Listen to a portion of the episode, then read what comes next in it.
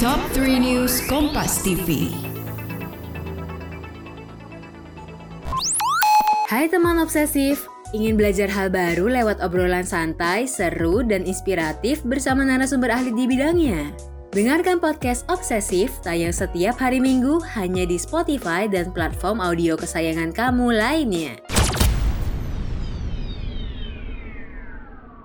Halo Sobat Kompas TV, saatnya kita update 3 berita terpopuler yang terjadi pada hari ini, hari Jumat 8 Oktober 2021.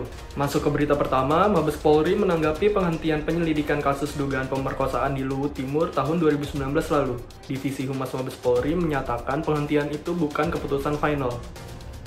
Kepala Biro Penerangan Masyarakat Divisi Humas Polri, Brigjen Rusdi Hartono memastikan keputusan Polres Luwu Timur bukan merupakan keputusan final, Rusdi mengatakan penyidikan kasus dugaan pemerkosaan itu bisa dibuka kembali setelah terdapat bukti-bukti baru yang didapatkan polisi. Di berita kedua, seorang profesor dari Singapura bernama Hisore Mahbubani memaparkan tulisan berupa pujian untuk Presiden Joko Widodo. Mahbubani menulis artikel berjudul The Genius of Jokowi yang menceritakan capaian Jokowi selama menjadi Presiden Indonesia. Dikutip dari laman projectsyndicate.org, Mahbubani menyatakan keberhasilan Presiden Indonesia Joko Widodo layak mendapat pengakuan dan penghargaan yang lebih luas. Jokowi memberikan model pemerintahan yang baik yang dapat dipelajari oleh seluruh dunia.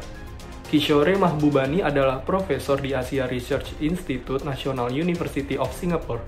Profesor Mahbubani pernah mendapat sejumlah penghargaan, antara lain 50 pemikir dunia terbaik dari majalah Prospect tahun 2014 lalu 50 intelektual teratas di dunia dari Financial Times tahun 2009, dan 100 intelektual publik dunia dari Foreign Policy and Prospect tahun 2005.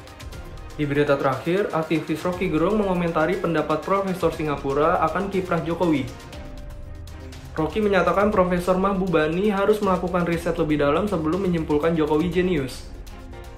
Rocky tidak sependapat dengan apa yang disampaikan Profesor Kishore Mahbubani.